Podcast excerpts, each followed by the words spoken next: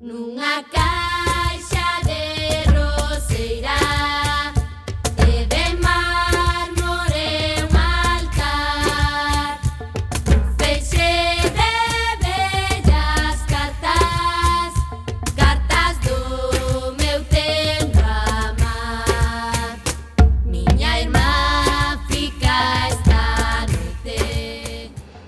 Ola, que tal, recendeiras e recendeiros? Benvidas e benvidos a este espazo radiofónico semanal dedicado á cultura que facemos en rigoroso directo todos os martes ás 7 da tarde aquí, na Coac FM, no 103.4, a Radio Comunitaria da Coruña.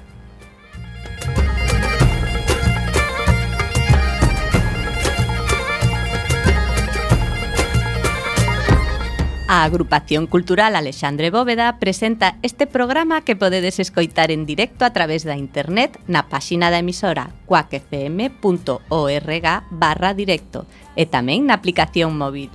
E se non chegaches a tempo, non tendes excusa, compañeiras. Podes descargar todos os programas xa emitidos en Radioco, o mega podcast da nosa emisora, ou tamén podedes escoitalo na redifusión, que será os mércores ás 8 da mañá, os venres ás 16 horas, e na madrugada do domingo ao luns, ás 12 da noite.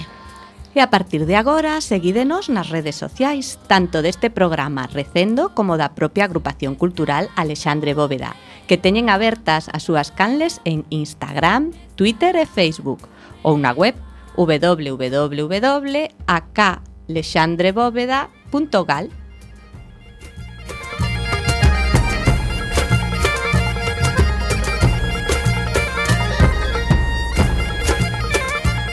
E xa sen máis imos caralón a procura desta fantástica aventura cultural con Roberto Catoira no control técnico e aquí falándolles coa alma inteira. Bueno, damos a benvida a Uxía Vázquez despois de moito tempo. Moitas gracias, que mamillán. Xa de roseirán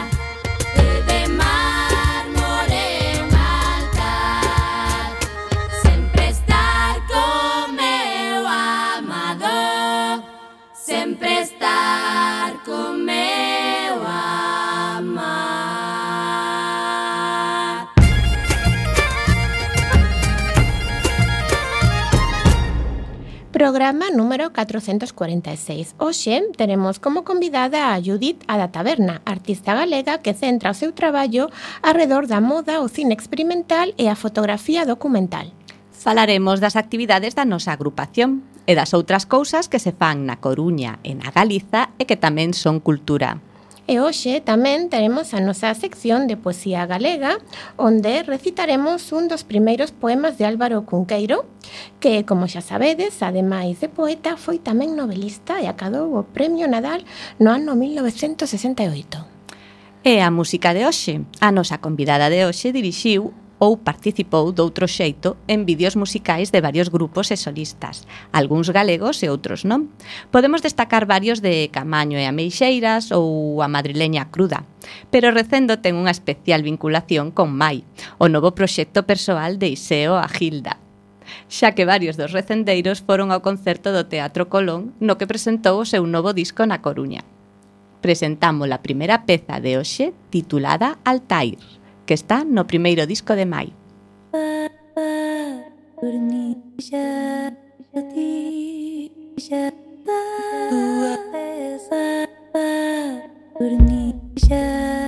ti.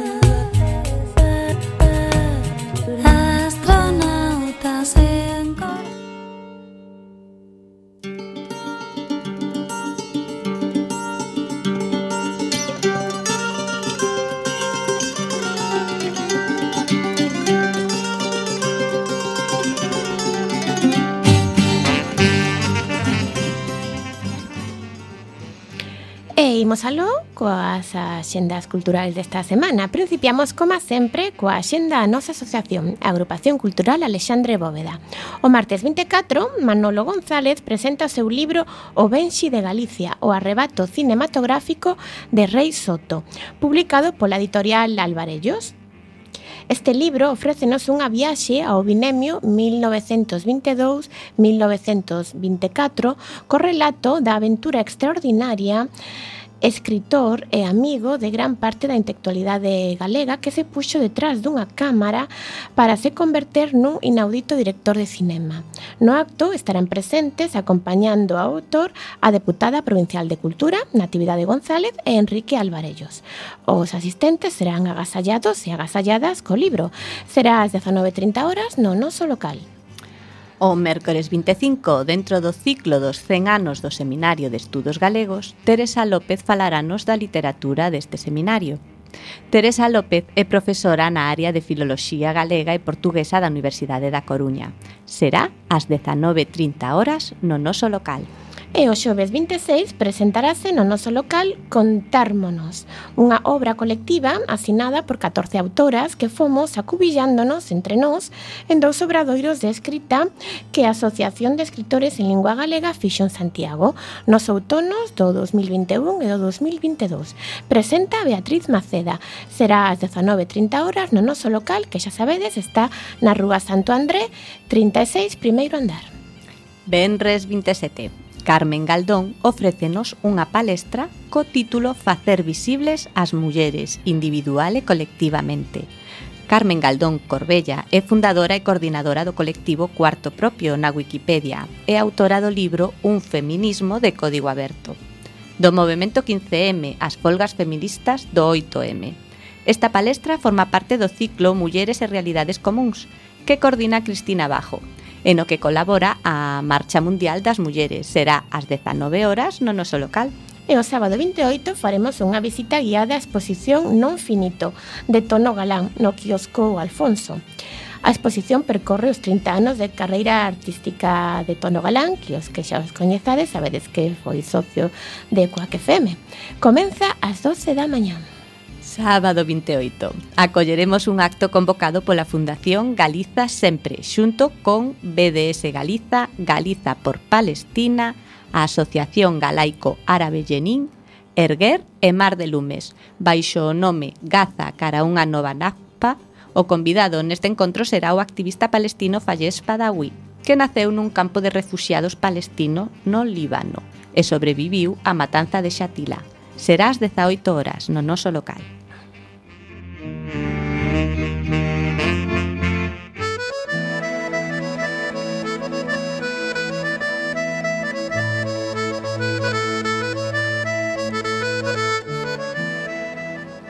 E imos aló, agora coa xenda da Coruña.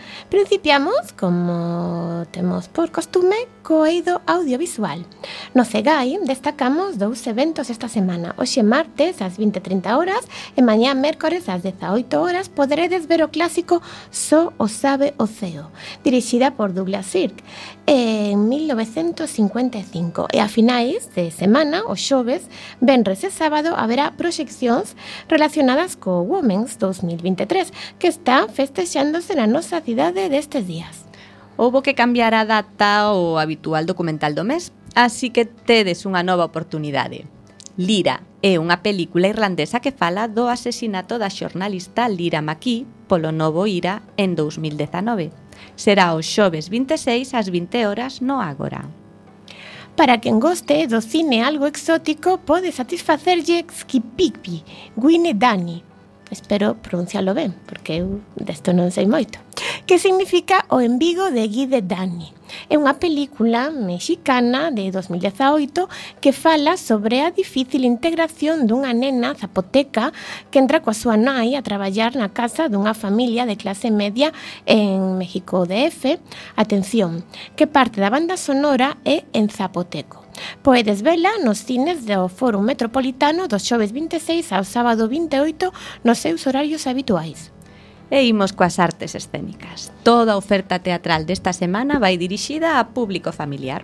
A compañía vasca Marqueliñe representa Mamut, teatro xestual ambientado na prehistoria. Será o sábado 28, ás 18 horas, no Fórum Metropolitano.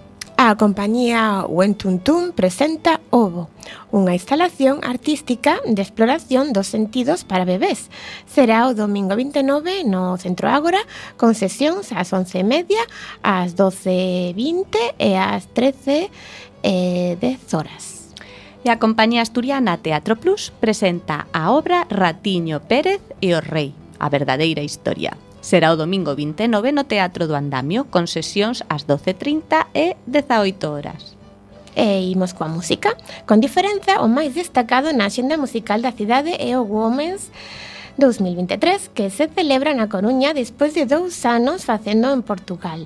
Todas as citas musicais serán no Teatro Colón ás 21.30 horas co seguinte programa. O xoves 26, Moumán, Alé, Ana Maret e Livia Matos. O Benres 27 Danuk, Aleph Quintet e Teo Colori a un momento cigano.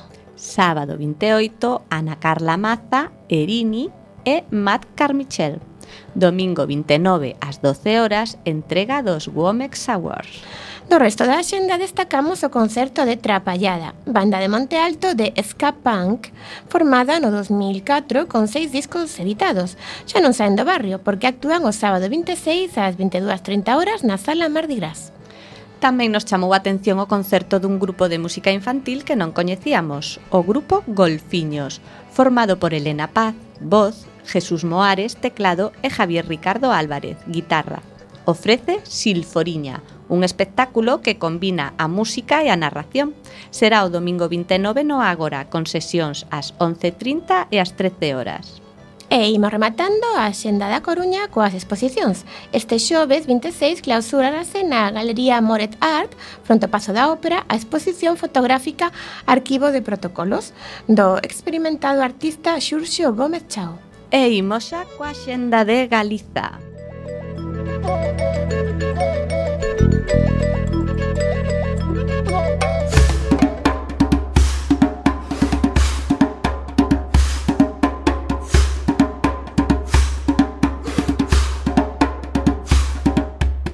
Agora sí, agora imos coa xenda de Galiza. Comezamos por Ferrol.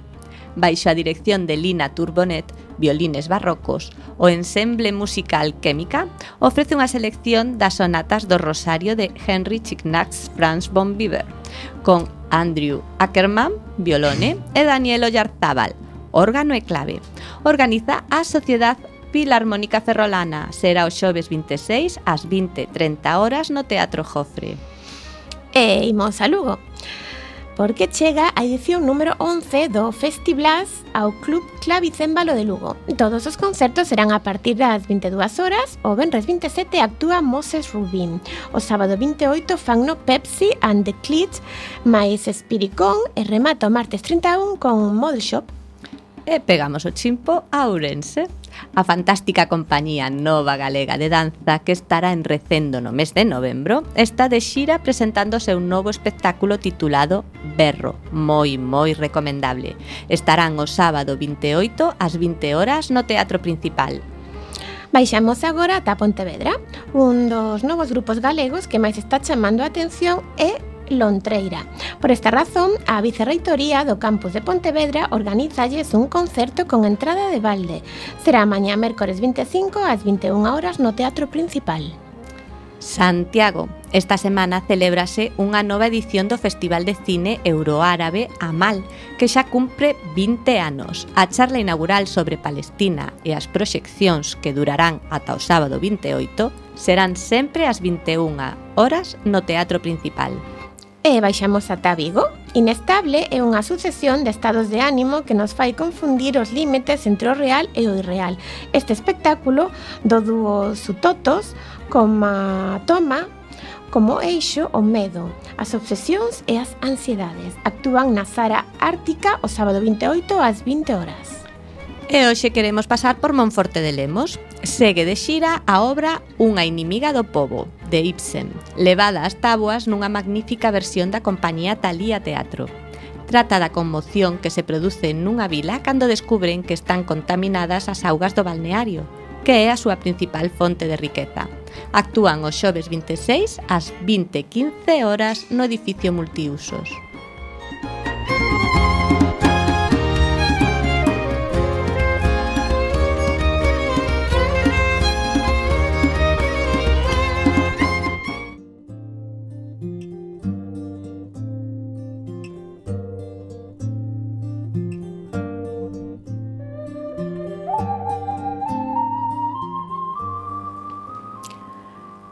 luz mollada chegáballe do mar, que claro o tempo para ollala na praia con presencia de cousa. Que sinxelos serán para beixala no pelo, con caricia animal e pura. Luz mollada dos seus ollos levaba o mar.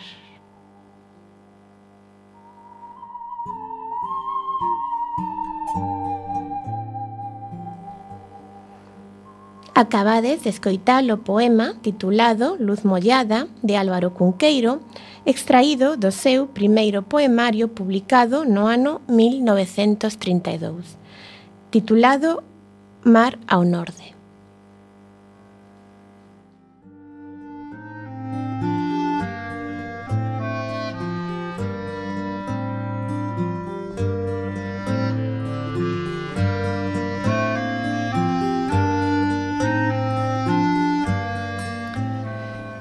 E a semana pasada dedicamos o programa Artesanía Tradicional, en concreto a Olería de Buño. Hoxe afastámonos do tradicional, máis sen deixar de lado a arte, un concepto tremendamente vencellado á artesanía. Esta tarde adicámola ás artes visuais da man de Judith Cerqueiro, máis coñecida como Judita da Taberna.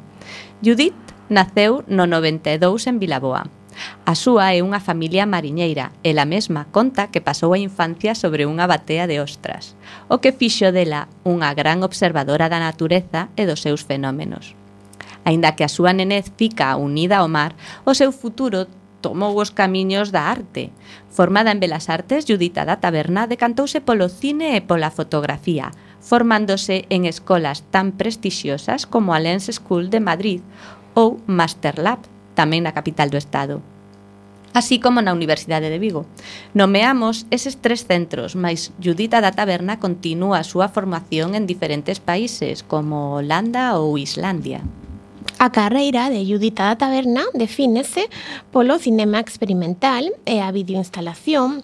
As súas obras puderonse contemplar en certames como Playdoc, Curtocircuito, o Film Madrid ou Bendita Tú de Bos Aires. Tamén tivo a oportunidade de expoñer en Porto, Venecia ou Reykjavik.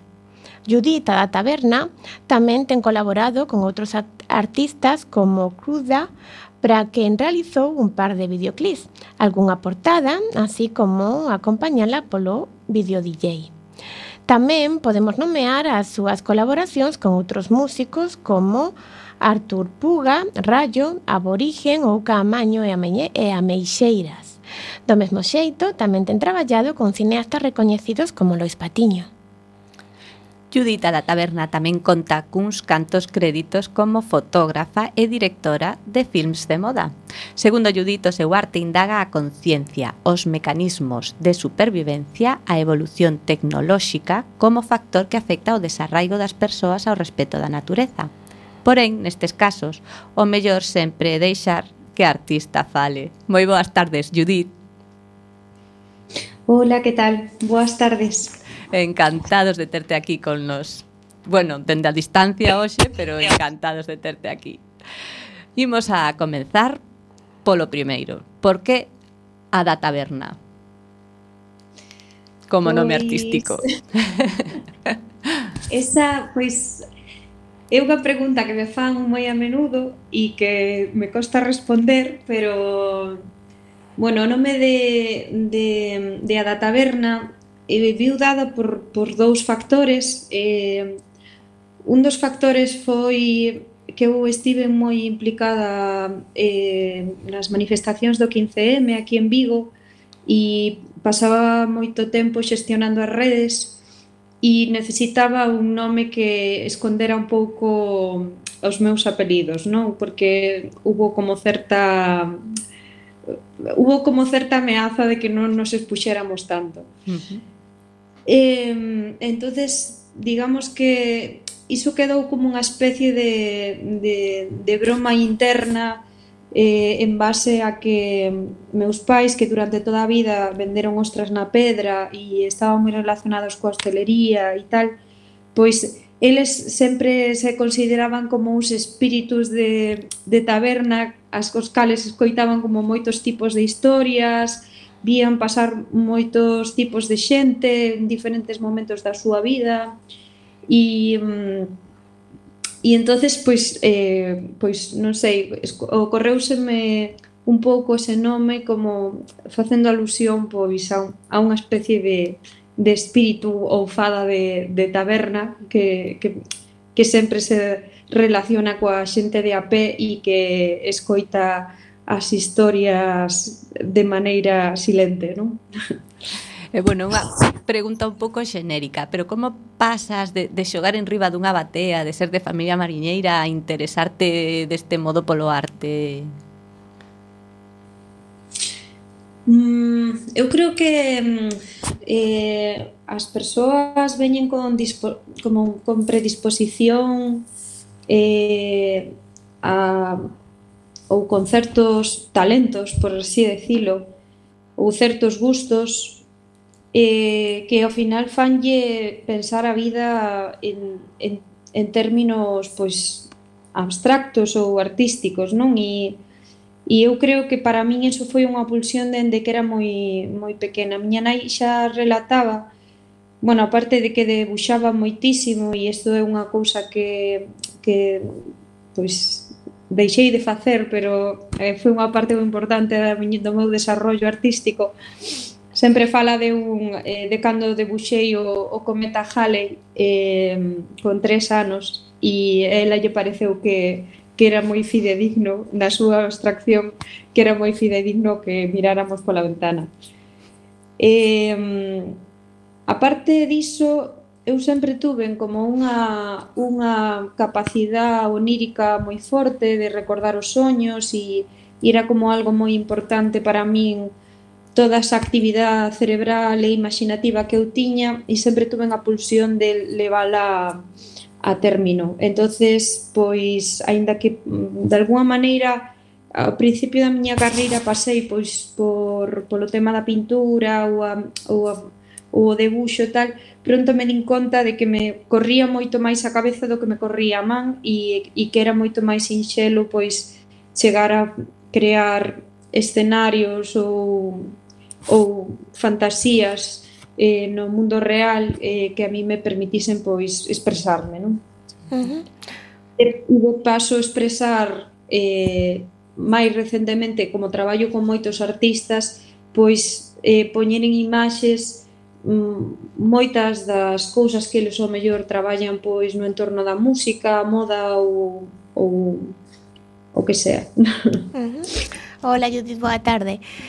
Eh, nos na, na túa presentación eh, dixemos que estás moi vinculada ao cinema experimental. Eh, queremos saber pois que che aporta o cinema experimental e a fotografía ao respecto de outros discursos artísticos. Por que elixes precisamente estas expresións e non outras? Pois a miña, bueno, Cando eu me atopei de fronte co cine experimental foi nun momento bastante extraño porque eu aínda non rematara a carreira e, e eu sempre conto que, que sus, cheguei a suspender ata dúas veces eh, audiovisuales na carreira de Belas Artes eh, por, unha, por unhas certas incompatibilidades de visión co, co meu profesorado. E eh, por aquel entonces Novos Cinemas eh, arrincou estes obradoiros con cineastas experimentales eh, entonces pues, propoñía que ti lle enviases pois un, un pequeno vídeo e e eles pois eh, a xente que seleccionaban pois convidaban a, a facer un este obradoiro con un cineasta durante tres meses co fin de desenrolar pois a tú primeiro film.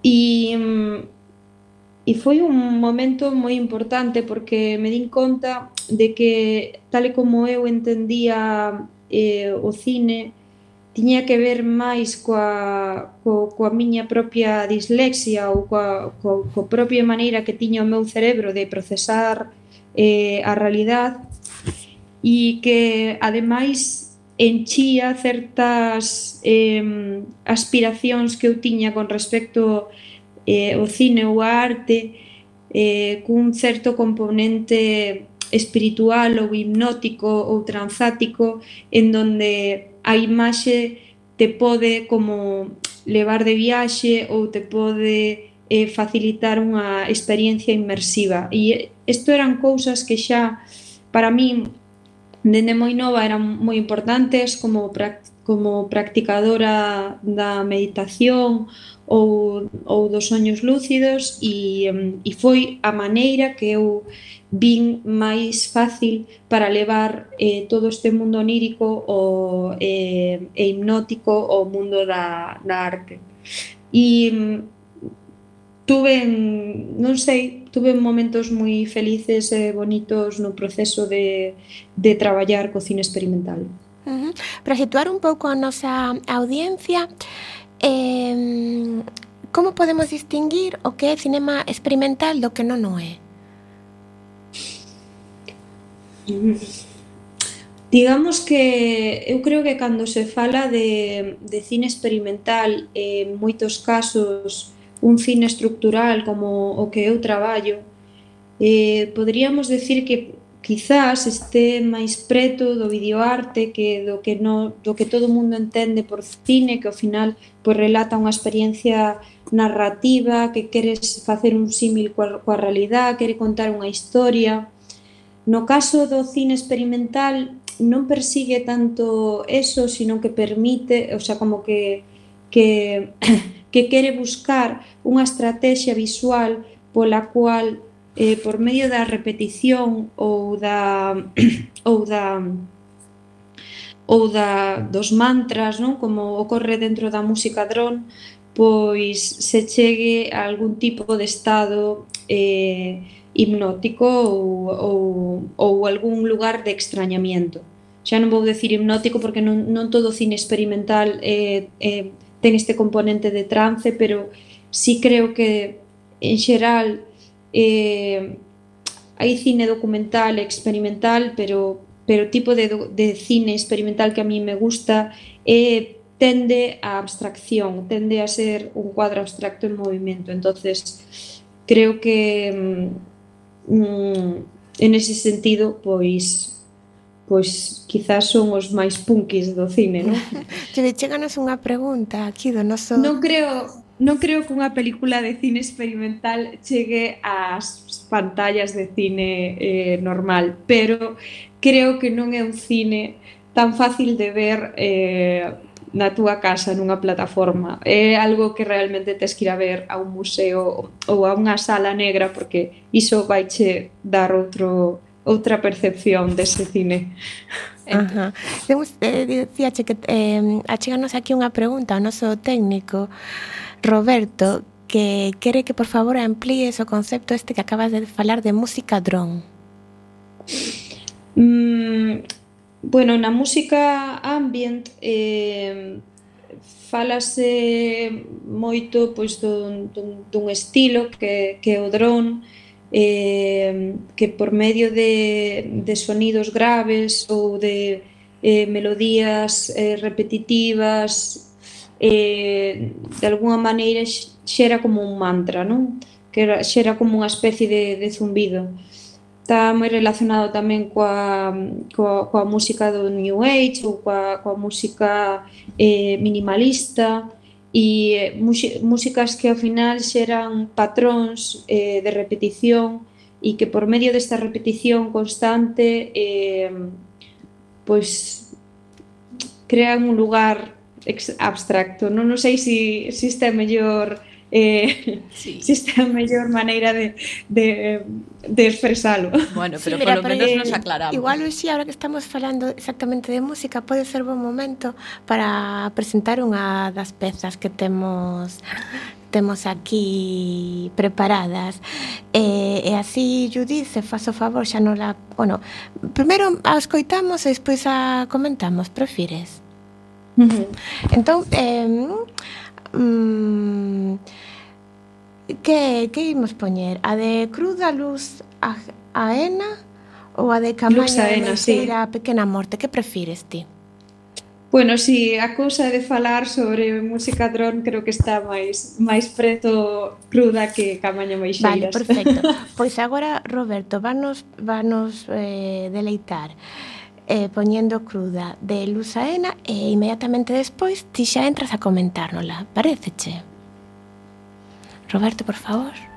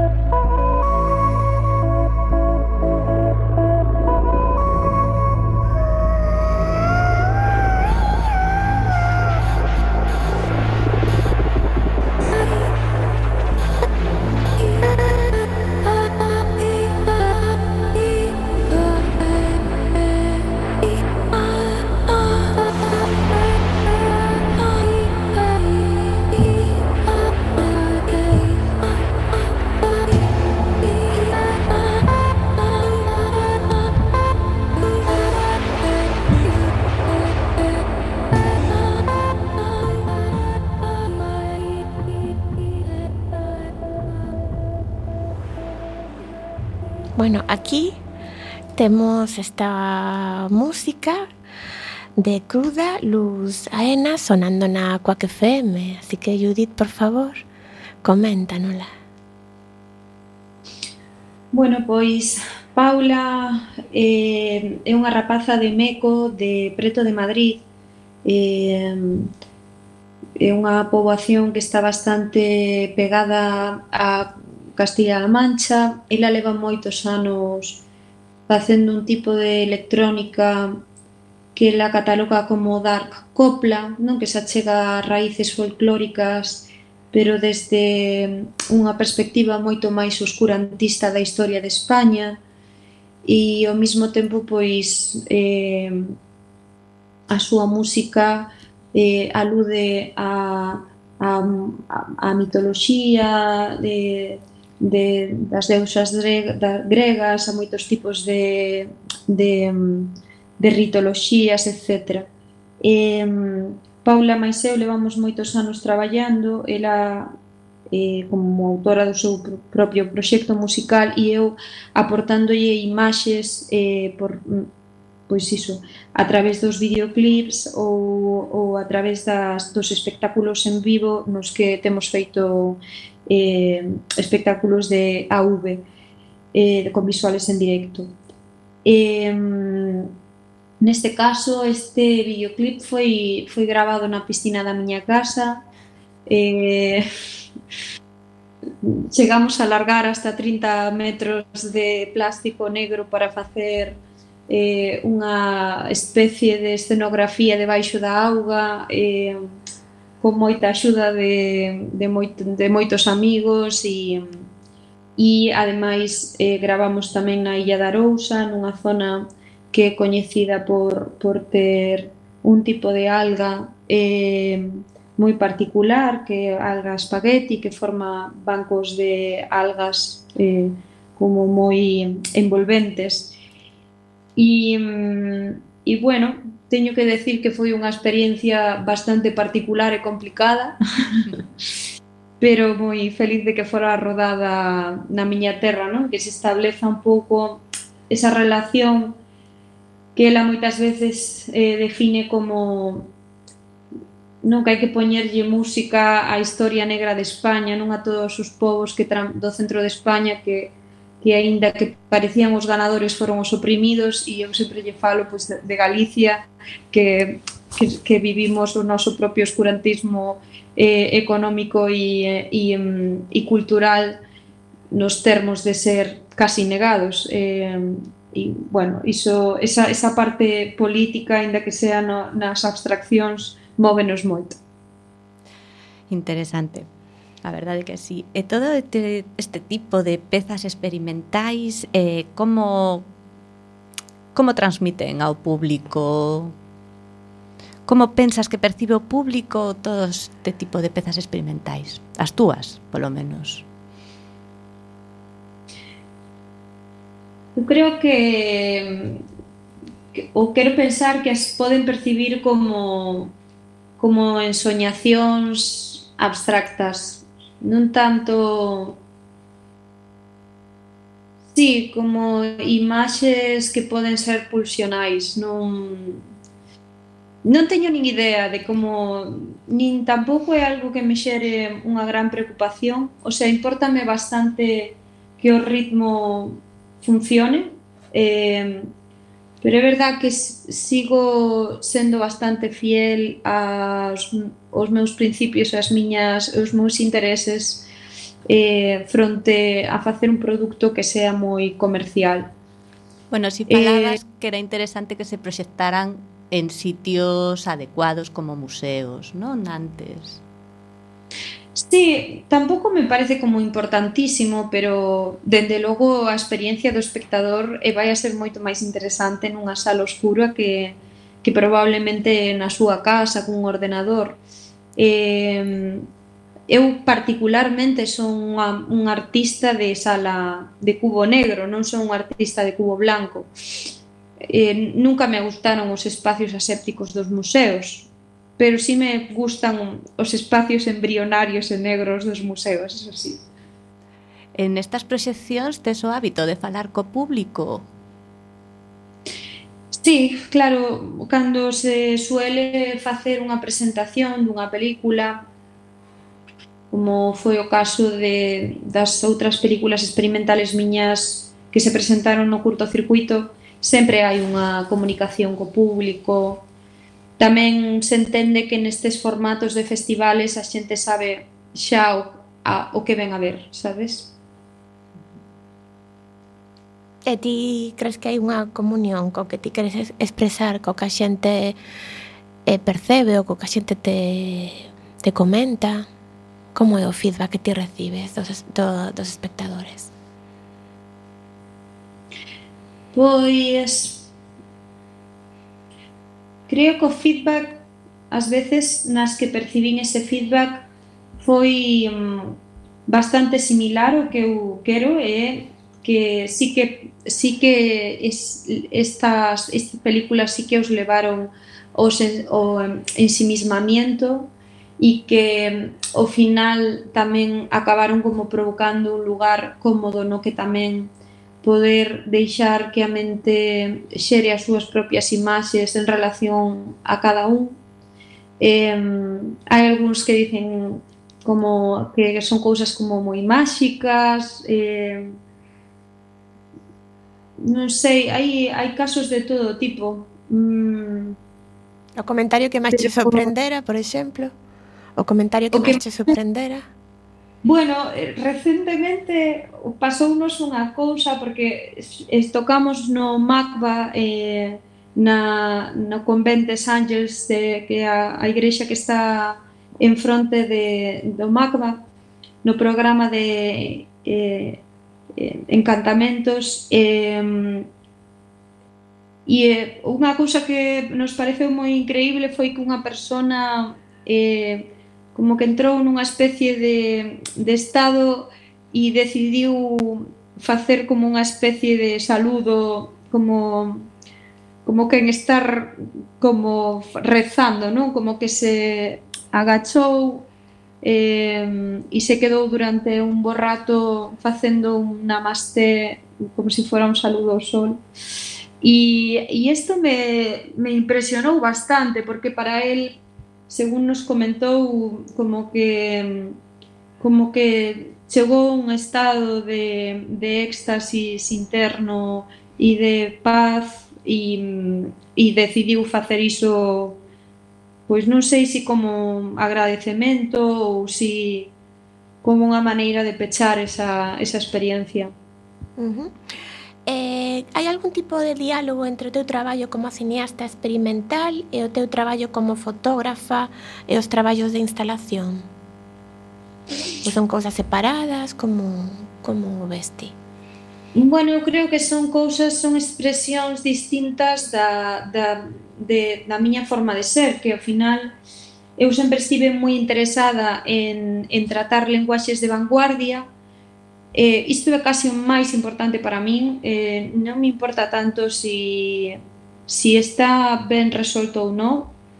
Creo que eu sempre estou interesada como en afondar nas linguaxes que presionen os límites, entonces eh, moitas veces estou constantemente como probando cousas, non? E, e no caso das instalacións é que eh, eu levo xa bastante tempo sin facer como nada totalmente novo, simplemente como dándolle eh, un, un mellor como empaque a certas obras que creei fai moitos anos eh, arrastrada por, por unha pasión interna inconmensurable de producir. E agora estou noutro momento e é que deixei tanto de producir e máis empecéi como a, a cerrar cousas, non? E no caso das instalacións sempre hai unha alusión á máquina, sempre hai unha alusión ao cyborg, a, a levar a experiencia a, a, a como os seres humanos neste momento presente nesta sociedade están digamos abandonando a experiencia física pola experiencia eh, virtual eh, porque siguilles producindo as mismas emocións ou unhas emocións parecidas pero sin a necesidade do esforzo por facelas non? Eh, esta, neste, eh, é claro, nesta fricción que nesta falta de fricción co mundo acabase como creando unha especie de vicios. Eh, e un deles eh, pode ser como ese desligamento coas mecanismos que sigue a natureza de maneira normal. Eh, por un lado está ese mundo eh, que é a miña propia posición política con respecto á tecnoloxía e a natureza e que tamén se reflicte nas películas. E por outro lado está toda a investigación que eu fago dentro do mundo da moda no que sigo sempre tratando de experimentar con, con diversos lenguajes e e, e non sei, deleitándome un pouco máis coas formas e co e con todo tipo de de, de mezclas de roupa. Hai, hai, hai unha parte de min que traballa moito co vestuario entonces eh, sempre pois, estou elaborando vestuario que me permite pois, levar a cabo esas cousas que están na miña imaginación. Uh -huh. eh, é un lugar máis eh, simplemente. De acordo. E eh, queremos tamén eh, afundar un pouco no teu proceso creativo, saber un pouco como é. Entón, cando tes unha idea, xa sabes claramente se dá para un filme, para un traballo fotográfico, para unha instalación... Pois non, o sea, depende depende moito Eu creo que cando me veñen as ideas, veñenme de golpe a cabeza e empiezo a obsesionar con, con algunhas cousas, entonces emocionome moito e, e empezo como como un castor cando ten a obsesión de parar a agua do río porque ese sonido non, non lle gusta entonces empeza a construir. Eh, pois no meu caso igual. O sea, hai veces que empeza porque pois empecé a gravar nun determinado lugar e hai, hai cousas coas que quero que, que quero como investigar e tratar. Eh, ou hai veces que se me chega unha imaxe á cabeza e digo, bueno, pois hai que facela e tal, entón xa entras no proceso de producir esa obra. Eh, e é así, basicamente. Non, non son unha, unha persona de proxectos, eh, de feito é unha cousa que se me dá bastante mal, Pero bueno, sí que é verdad que eh, na miña vida afronto moitos tipos de proxectos, sobre todo cando ten que ver con videoclips, eh, fashion films, eh, moda, etc. Eh, aí sí que, sí que son unha persona de, de proxecto que leva a cabo e tal. No, mun, no meu mundo personal artístico eh, isto non son capaz de facelo nunca. o sea, vou e arraso, non, non, non hai posibilidade para pensar. O sea, vou pensando de camiño, pero vou pensando a medida que fago. Eh, no teu dossier falas de mecanismos de supervivencia. A que te refires con isto de mecanismos de supervivencia? Bueno, creo que, que os, os procesos biolóxicos que, que, que, que, se, que se enmarcan na, no desarrollo celular de corpos complexos eh, como podemos ser nós ou, ou calquer animal ou unha planta entrañan ter en conta eh, as posibles amenazas ou as posibles fontes de recursos que están dentro da naturaleza. Entonces, creo que os nosos corpos crean as súas propias tecnoloxías para adaptarse ou por, para aproveitarse dos recursos que teñen ao redor. E mm, a miña primeira película foi precisamente unha, unha maneira de, de falar entre ou de crear un diálogo entre o acordo que existe entre abellas e flores, non? En tanto que as abellas teñen un espectro de visión centrado no ultravioleta e as flores eh, teñen cores que as abellas poden ver. E desta maneira, pois facilítase pois a reproducción de, de unhas e a alimentación de outras. Eh, nesta especie de, de acordo non do mundo natural, eh, isto pois a min pareceume que se trataba dun mecanismo de supervivencia de uns e de outros, e acabei vinculando eh, coas eh, con todo tipo de, de creencias, eh, mitos, eh, eh ritos que había en torno aquí, en torno a danza do abellón aquí en Galicia, non? En, eh, xa que é un animal que lle preocupa pois moito a luz e as e, e as e determinadas fontes de, de, de color, non? Eh, entonces nesta especie de, de importancia da luz como, como fonte das cousas primeiras eh, pois centreime en, en, en abarcar a sobrenaturalidade non? En, en, en enmarcar o mundo do, do alén precisamente nese lugar na confusión entre a luz e a oscuridade, entre a búsqueda constante que teñen os seres vivos da luz Eh, un pouco niso me refiro. Eh, no, no, noutra peza noutra peza que, que, que teño que se chama eh, dentro do microtúbulo falo destes mecanismos de supervivencia tamén, pero de maneira distinta, non? Porque aí é un paseo que, que eu fago polo monte eh, mentras está nevando e tal, e de fondo oímos a miña boa eh, resonando cos bucles que ela mesma ten eh, sobre pois, vivencias que, la, que foron traumáticas e que ao final acaban formando parte da súa propia arquitectura emocional eh, como pode ser a morte da, de súa nai con oito anos. E como isto eh, crea unha narrativa que coa que ela se identifica durante toda a súa vida. E cando se fai bella e, e está a piques de morrer, esta narrativa sigue sendo unha constante a pesar de a forte demencia que ten. Eh, é casi como un cito esqueleto, non? Que lle permite sobrevivir tamén. Eh, e, bueno, eh, son nese sentido sempre estou como indagando un pouco. En Parpadeo, por exemplo, eh, é unha película que de, de cine máis puramente estructural na que hai unha eh, superposición de imaxes de flores e, eh, e de xente no metro. Eu cando cheguei a Madrid tiña moita agorafobia e eh, cando e sentía que cando chegaba ao metro de Madrid como que constantemente viñanme ráfagas de imaxes de dun campo querendo estar noutro lugar e viceversa cando estaba no campo, non? Que botaba de menos a cidade. Entonces, digamos que nesa, nese, nese parpadeo, nesa, nese pequenos milisegundos é como unha, de alguma maneira o cerebro trata de, de, de estar constantemente completando espacios que entende como necesidades. ¿no?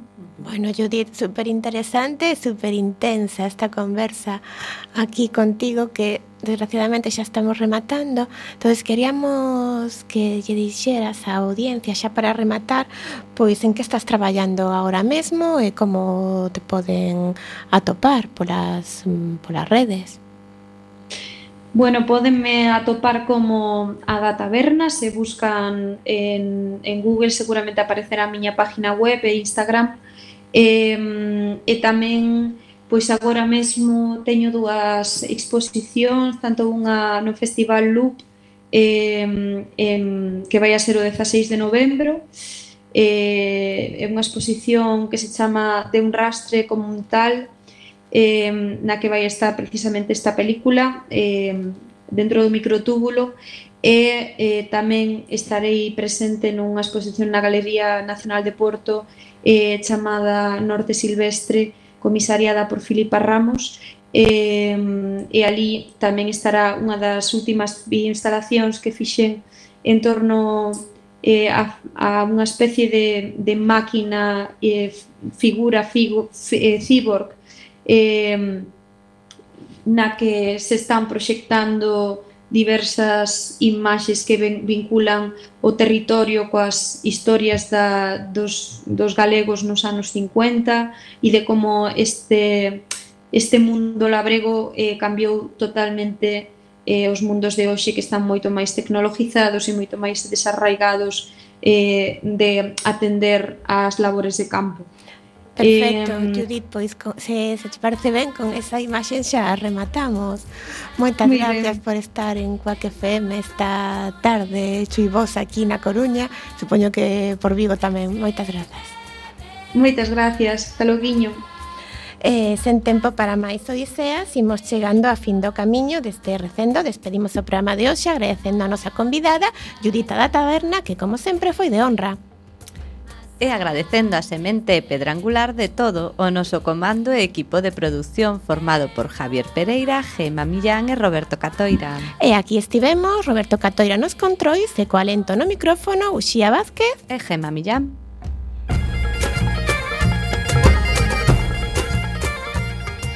acompañándote neste recendo de palabras e de imaxes radiofónicas que nos traen este aroma cantando na nosa lingua e que nos permite hoxe tamén no futuro a permanencia da palabra, da música e da implicación e o compromiso coa nosa nación, a Galiza. Ata vindeiro martes a 7 da tarde en directo nesta emisora Cuac FM da Coruña. Xa